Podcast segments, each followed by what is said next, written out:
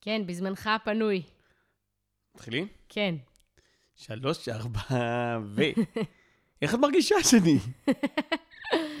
יותר טוב, אבל uh, יש לי עוד לאן להתחזק. להתחזק. טוב, מסתבר ש... שאני הייתה קצת חולה.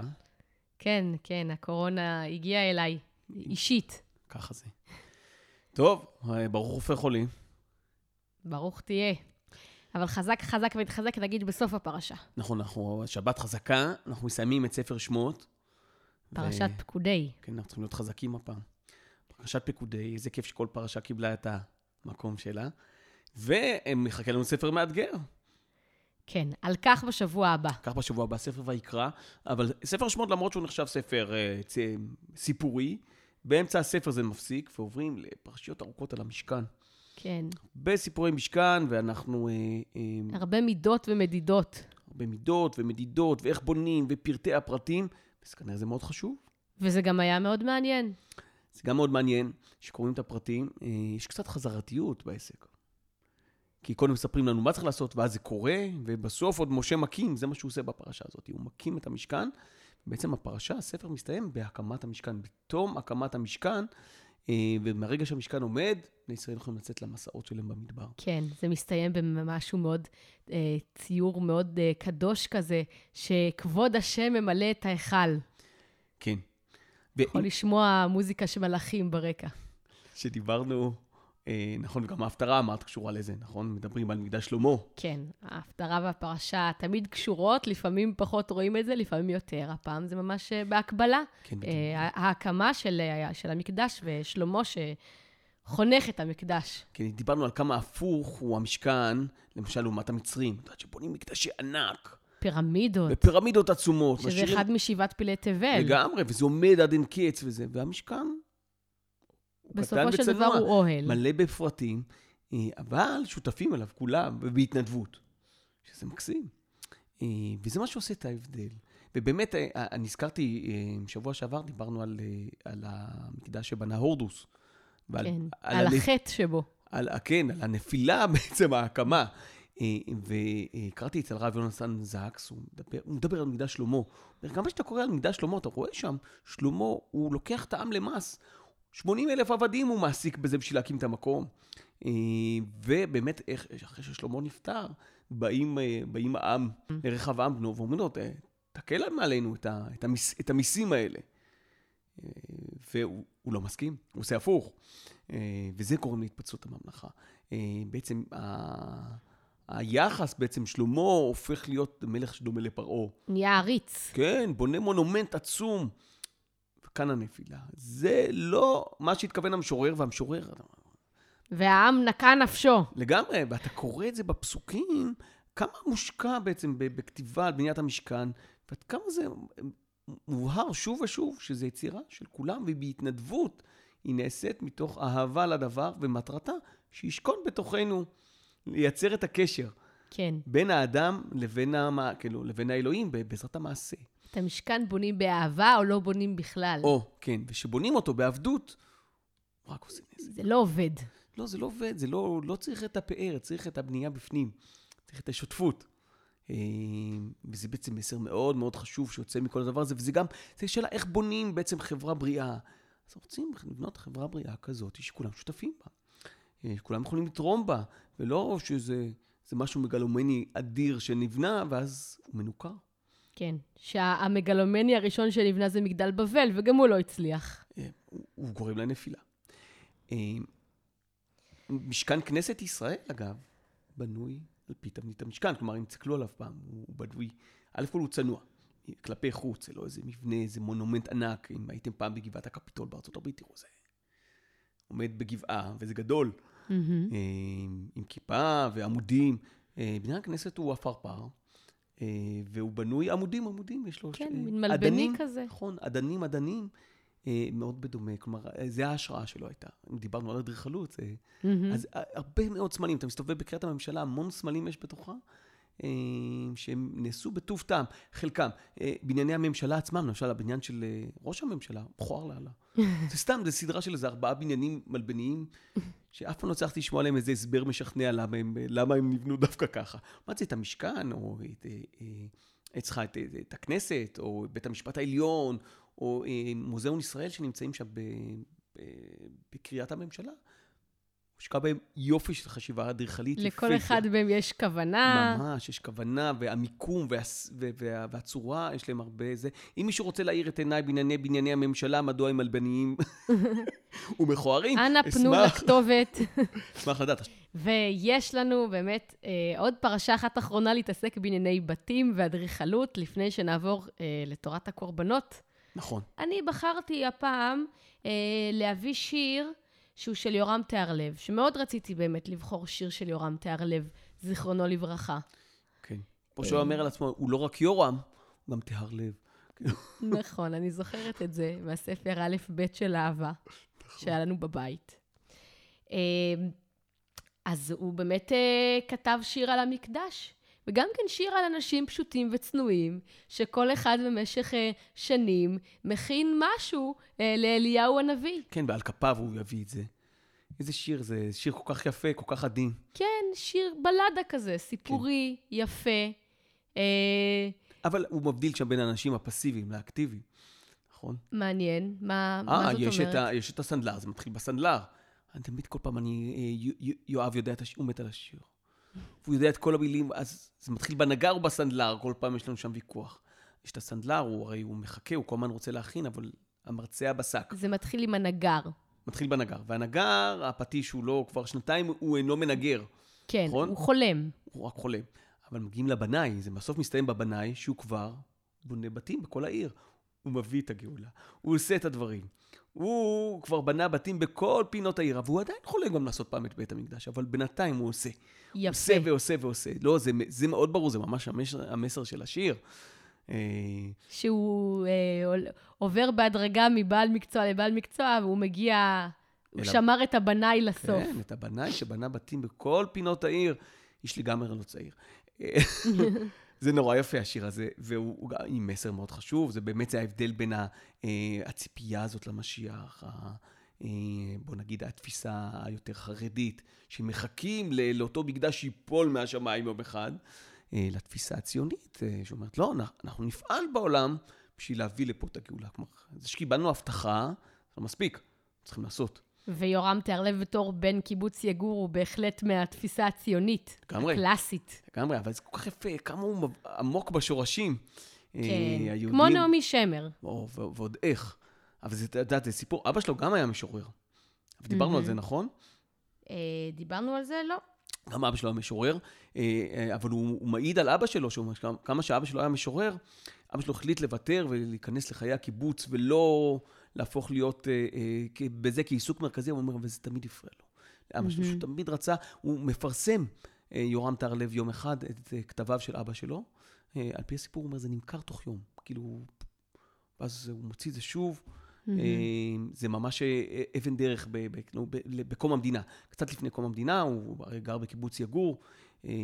אחד האסונות בשבת השחורה, שנכנסים קיבוץ יגור, עושים שם הכל, ועושים את, בתוך הבתים, את, מרחיקים את האנשים. כן. אבא שלו הולך ומחביא את הדפים עליהם הוא כתב, הוא מדביק אותם לתחתית המיטה שלו, וכשהם חוזרים, כל הבית הפוך, הם עושים את הארונות, הם הופכים את הרצפות, מחפשים נשק. והולך האבא ומוצא את זה, ואומר, הכי חשוב ניצל. את מה שהכי חשוב הוא הציל. ויורם טהרלב מספר על עצמו שהוא היה אז בן שבע או משהו כזה, והיה לו גם מחברת עם דברים, ואת המחברת שלו הוא לא מצא. Mm. ומאז הוא אומר, מה הוא עשה? מה הטריק של יורם טהרלב היה? לזכור בעל פה. לגמרי. הוא אומר, אני זוכר את כל... מחשב נייד לא היה לו. את הכל, את הכל בעל פה. הוא אומר, הדבר, אני הייתי משנן לזכור את הכל בעל פה, שלא יאבד לי דבר.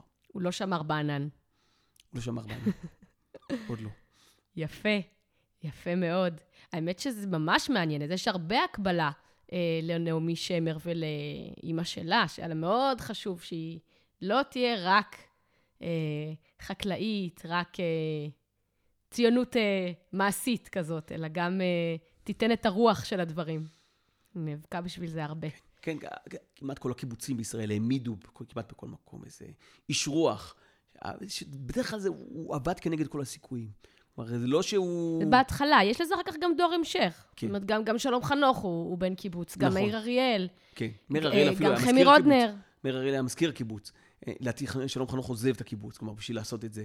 אה, כי, כי לא נותנים, כאילו, מה, מה צריך להשקיע בלהיות, פרודוקטיבי, בלייצר, בלהיות חקלאי, וזה, בזמנך החופשי, בערב, ש, שאין. אה, ובוודאי לצאת ללימודים, זה דבר שכמעט אסור. אה, אבל עם זאת, יש לנו מיטב, מ- מיטב הסופרים. כן. אני, אני הכי אוהב את מרים רוט. גם כן, היא, היא בת קיבוץ, אה, אה, נו, אה, מר- שער הגולן. שער הגולן, בדיוק, היא משער הגולן, והיא התחילה לכתוב נורא מאוחר, באיזה גיל 60. מתי שהיא כאילו כבר אה, אה, יותר מאוחר, עד גיל נורא מאוחר, אז 90 ספרים ומשהו. שהם קלאסיקות באמת. כן. אה, אז אם אנחנו כבר בדברי סיכום על הספר, אז באמת בספר, בחומש שמות, יש גם מקום של כבוד לאומנים, לבצלאל, לאוליאב. כן. אה, גם כן ספק. מוזכרים כחכמי לב, חשובים מאוד, והנה, והנה ממשיכי דרכם. אז לשיר על כפיו יביא יש אין ספור ביצועים, באמת. ולשירים של יורם תיארלב בכלל עשו עכשיו איזשהו פרויקט חידוש שנקרא נכס צאן ברזל, אפשר למצוא את זה בספוטיפיי.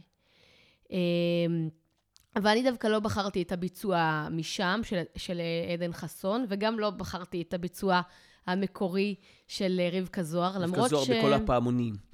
כן, יש שיחלקו עליך. כן. תמי למשל. אמ, אבל, אבל יש לו, ה- היתרון של הביצוע הזה, הפלוס הגדול שלו זה התזמורת. יש לו אה, אה, תזמור מאוד יפה עם כינורות ועם אה, חליל צד, כל ככה עשיר, באמת יפה ונורא מספק תפאורה יפה לסיפור. אה, אבל אני בחרתי ביצוע של אה, ביני לנדאו, שזה אומר, בעצם עצם זה שהוא מבצע את זה, זה אומר שזה הולך לכיוון היותר, כאילו שקצת הציונות הדתית תמצא את זה, מין אה, שיר, אה, אה, שיר של אה, ציפייה לגאולה. ויש שם כלי נגינה שאני מאוד אוהבת, את הצליל שלו שנקרא סנטור, שהוא מלווה את הביצוע, אז בגלל זה בחרתי אותו. הוא גם שר מאוד בעדינות, מאוד יפה. זה, זה גם כלי מיתר. כן, זה מין פסנתר שולחני כזה. קצת דומה לבולבול טראנג. כן, נכון, שולחן כזה עם הרבה מיתרים שמנגנים עליו, עם שתי כפיות כאלה ממתכת. אה, זה נשמע קצת כמו קסילופון? אה, יותר, יותר צליל של מיתרים, משהו קצת יותר אקזוטי כזה, פרסי, סנטור פרסי. כן, אני זוכרת את הפעם הראשונה שראיתי מישהו מנגן עליו, ושמעתי מישהו, זה היה בצפת. מהמם. זה היה מאוד מאוד יפה והוקסמתי. כן, שבוע שעבר שמענו, אה, נכון, את השיר גולדן בראון, מה מה ניגן שם? אה, שם זה היה צ'מבלו, איזה נכון. כיף של כלים. אנחנו- אה, זה נחמד. כן, אנחנו מכ- מכירים גם כל מיני כלים על הדרך ומדברים על מוזיקה, וזאת בדיוק הייתה המטרה שלנו. או, זה כנראה שאנחנו אה, מצליחים להכניס מגוון. עומדים בזה עד עכשיו. כן, יש לנו עכשיו באמת, אה, הש- השיר הבא יהיה מסוג- מסוגה אחרת. אז בואו נשמע את על כפיו יביא, כן, ואז נדבר על השיר שיר הבא. עברי קלאסי ונפלא, יורם טהרלב בביצוע של. אה, המילים של יורם תיארלב, כן. אה, הלחן של יאיר רוזנבלום הנפלא, אה, משהו. באמת, מקום נכס של צאן כבוד ברזל, איש שהוא נכס צאן ברזל. בפני עצמו. ו... אה, והביצוע אה, של ביני לנדאו. אז, אה, משה שלו מנגן בסנטור. כל הכבוד. והעיבוד של ערן קליין, שהוא חבר טוב של יוסלה. היה איתו בלהקה של אודי דוידי. איזה כיף. איש מאוד מוזיקלי ומאוד מאוד נחמד. אז בואו נשמע את השיר.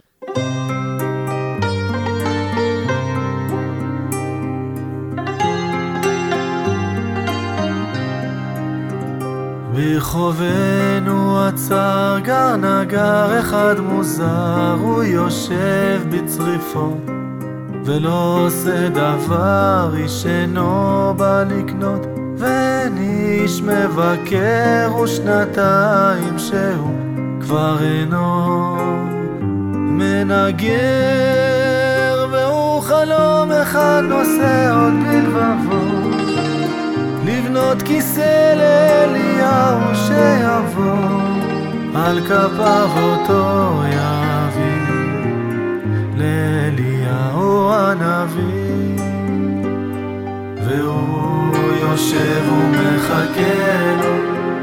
כבר שנים חולם הוא שיזכה לו, על סודו שומר ומחכה לו, מתי כבר יגיע היום? ברחובנו עצר גר סנדלר אחד מוזר, הוא יושב בצריפו ולא עושה דבר, מדפיו הריקים מכוסים באהבה כבר שנתיים מונח המרצה הבשר והוא חולם כי נעליים רגלי המבשר על כפיו אותן יביא אליהו הנביא והוא יושב ומחכה כבר שנים חולם הוא שיזכה לו. על סודו שומר ומחכה מתי כבר יגיע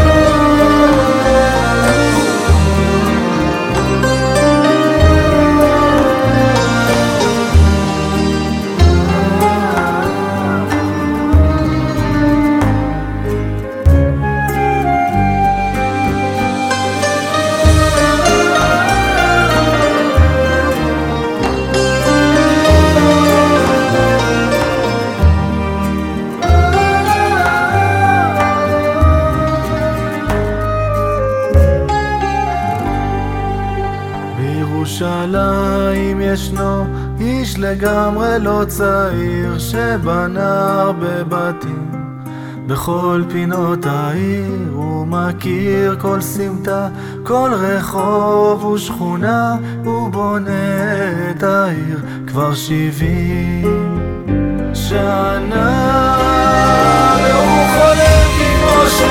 העיר בנה יניח למגרש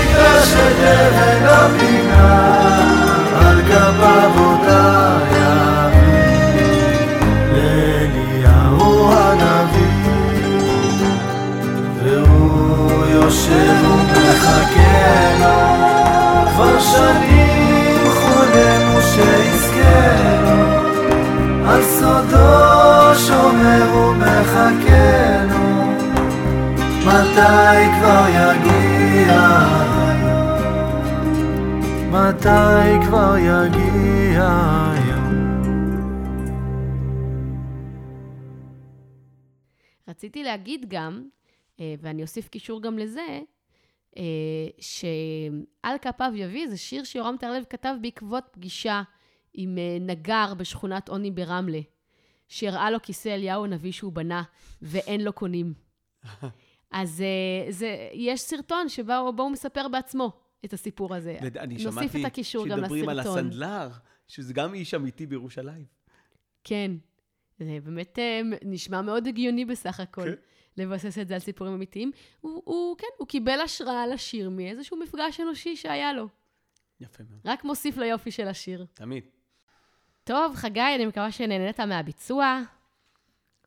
כזה עוד לא שמעתי. באמת לא לא הכרתי אותו, תודה רבה. בשמחה רבה, אני עשיתי שיעורי בית, הקשבתי לכל מיני ביצועים. אה, איזה שיר בחרת לנו הפעם? או, אני, כמו שאמרת, אנחנו הולכים לשמוע קצת סוגה אחרת.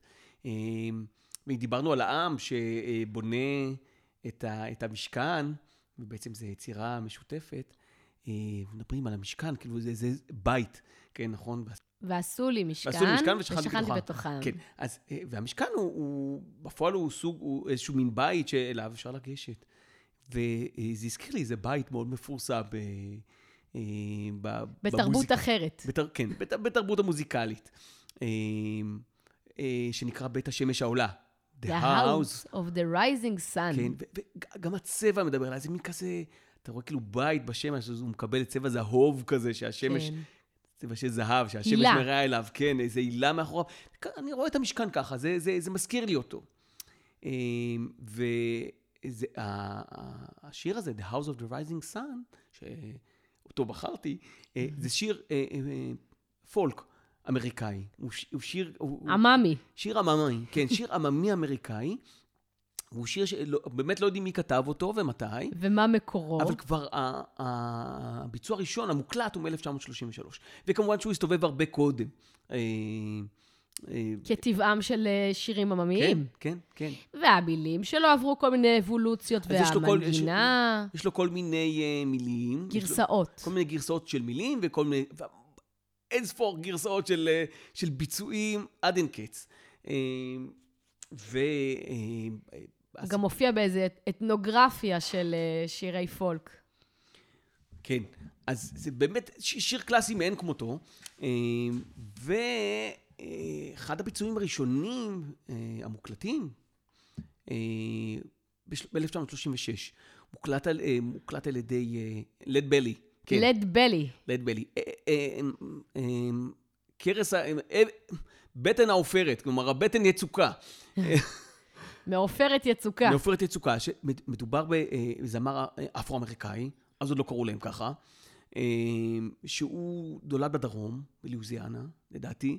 אה, הוא מין איש ענק וגדול, והוא אוטודידקט לחלוטין. הוא זמר פרא. הוא מסתכל איך אנשים מנגנים בפסנתר, והוא לומד איך לנגן בפסנתר. אה, כמובן שלא הייתה לו הזדמנות לא, ללמוד באופן מסודר לנגן. כלום, כלום. הוא נולד ב-1888, בתקופה של סגרגציה קשה, כבר אין עבדות לכאורה, אבל... אה, אבל האפליה קשה. אפליה איומה, אין לו שום אה, גזענות דרך. ובוערת. ויש עונשים איומים, אה, זה, הוא, הוא גם, הוא מנגן, הוא לומד מהר מאוד לנגן, נופלת לידיו גיטרה, הוא נעשה אומן של גיטרה של 12 מיתרים. מה זה אומר? זה אומר, אני חושבת שזה אומר שכל מיתר הוא כפול. כי לגיטרה יש שישה מיתרים בדרך אוקיי. אז כלל. אז הוא אומן, והוא נעשה, נחשב וירטואוז, הוא מנגן במפוחית, והוא מנגן בפסנתר, כל מה שתיתן לו ביד הוא יודע לנגן. אה, אבל הוא גם, מצד שני, הוא, אה, אה, הוא גם מסתבך עם החוק. הוא- תופסים אותו עם אקדח, שמים אותו בכלא, לעבודות פרך קשור לשלשלאות, עד שהוא בורח. ואז תופסים אותו עוד פעם אחרי איזה קטטה, שבה הוא רוצח איזה אחד מקרובי המשפחה שלו, מכניסים אותו לכלא.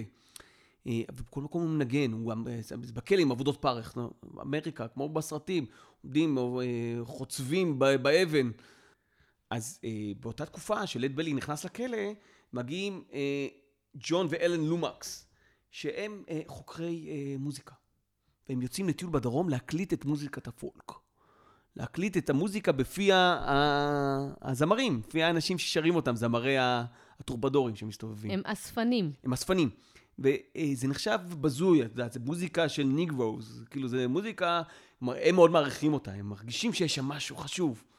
אה, אבל אה, זה בצפון שם, בניו יורק או בחלות האוניברסיטה, זה לא נחשב בכלל. והם יוצאים, עושים הקלטות ומקליטים משהו כמו עשרת אלפים קטעי מוזיקה. את יודעת, זה פעם צריך לעשות מקלט גדול. אה, כן. אז הבן הוא המקליט ואבא הוא מראיין. הם יוצאים למסע של ארכיון. כן? אומרים, חייבים להקליט את זה לפני שזה, שזה ייעלם, כאילו, זה משהו שצריך לתעד. כן. ואז הם שומעים שבלואיזיאנה בכלא יושב גאון מוזיקלי שהם צריכים ללכת אליו. והם נכנסים, מגיעים לכלא, ויושבים עם לד בלי, ומקליטים אותו עוד ועוד, ומסתבר שהוא הוא פשוט, הוא מכיר את כל שירי הפולק, הוא יודע לשיר את הכל, הוא גם כותב חלק בעצמו, הוא, והוא הוא מאוד מקובל. אז הוא פונה, ל- אה, האבא פונה למנהל הכלא, הוא אומר, תשמע, אני צריך שתשחרר אותו.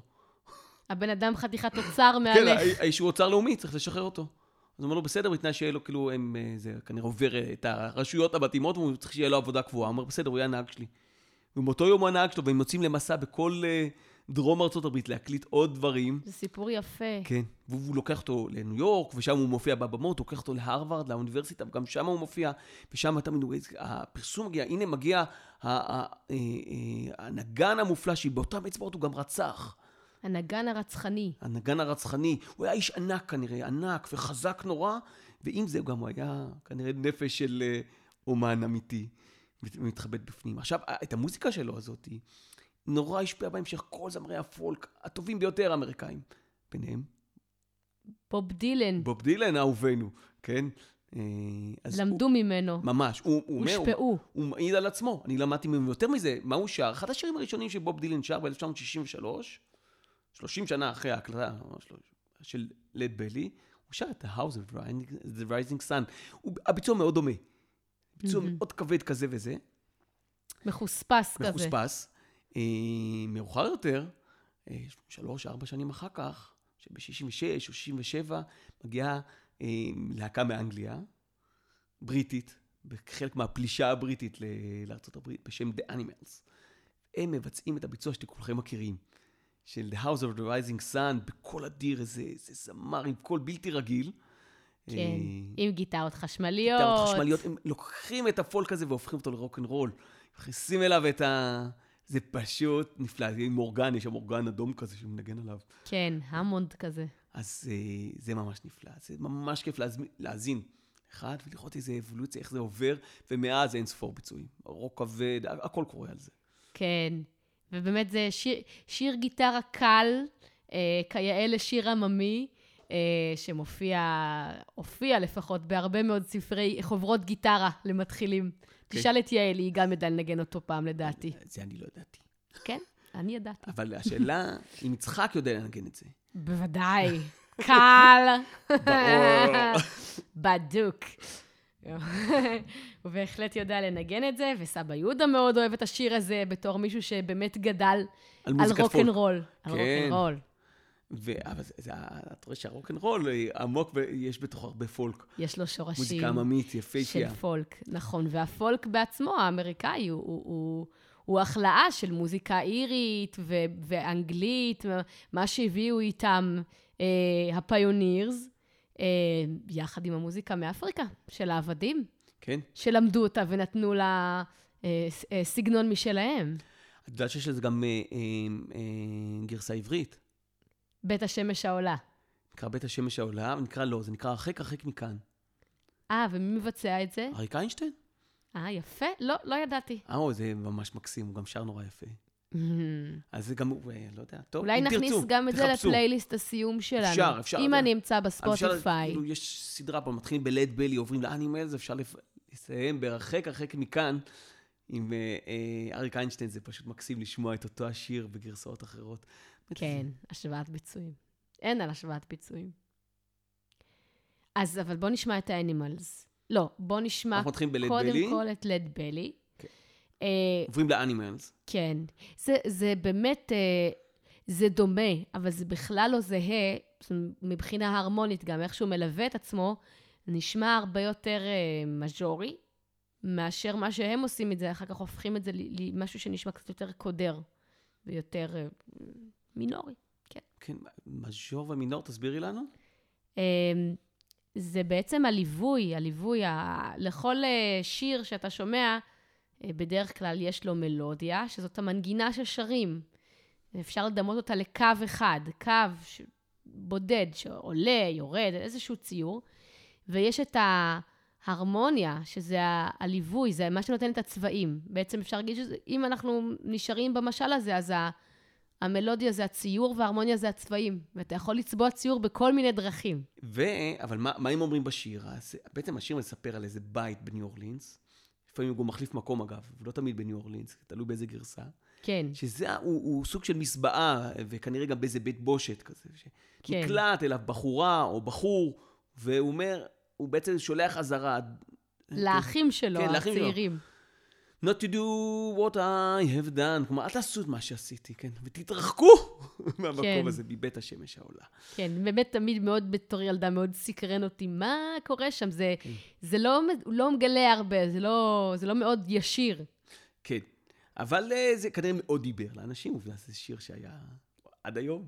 כן. אה, אבל מה, מה עם המסקנה? המבטא לא נעשה- הדרומי, כמובן. לא נעשה את מה שעשה לד בלי, לא, חלילה לא, נידרדר לפשע. נידרדר לפשע.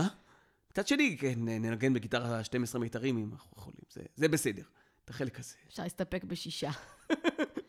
אז בוא, בוא נשמע רגע את הביצוע שלו.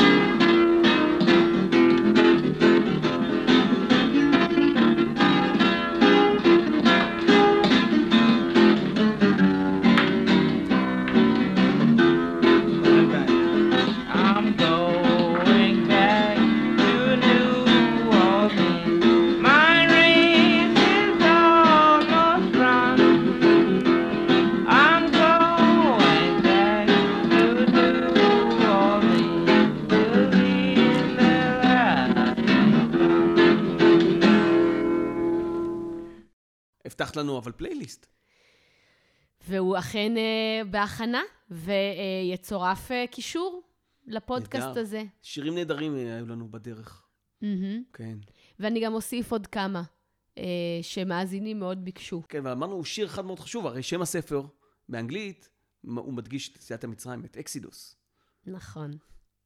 אז אנחנו נוסיף גם את השיר של אה, בובי, של בוב מרלי החביב. כן, רגעי עוד לא שמענו. כן, וזה באמת גם שוב מאוד קשור. בדיוק קראתי כתבה על זיגי מרלי השבוע, על הבן של בוב מרלי, שנשוי ליהודייה ממוצא איראני, אני חושבת, אה, והעלה לא מזמן אה, לאינסטגרם או לטוויטר, על איזושהי רשת, תמונה של הבנים שלו, הם מברכים על החלות או משהו כזה. חוגגים את איזשהו- יציאת מצרים בליל הסדר. עושים איזשהו טקס יהודי, הם, הם יהודים הבנים שלו. והוא הוא מספר שם, הוא אומר, אה, אמנם אבא שלי לא היה יהודי, הוא היה מאוד מזוהה עם דת הרסטפארי, אבל אה, בהחלט אה, יש הרבה, יש הרבה. הם מכירים את הסיפור קשר, התנ"כי. הזיון, הזיון, כמה הם... אה, כן, זה חלק מה, מהתרבות שלהם, כל העניין הזה של יציאת מצרים מאוד חזק. וזה אחלה שיר עם אחלה בס ברקע. אקסידוס, אז נוסיף גם אותו לפלייליסט שלנו. מעולה. אז אנחנו משאירים אתכם גם עם השירים של התוכנית של פרשת פקודי, וגם עם פלייליסט של כל הספר. עכשיו? אה, כן, קדימה. חזק חזק ונתחזק. טוב, שבת פקודי שלום. שבת פקודי שלום. ובית השמש העולה. קדימה.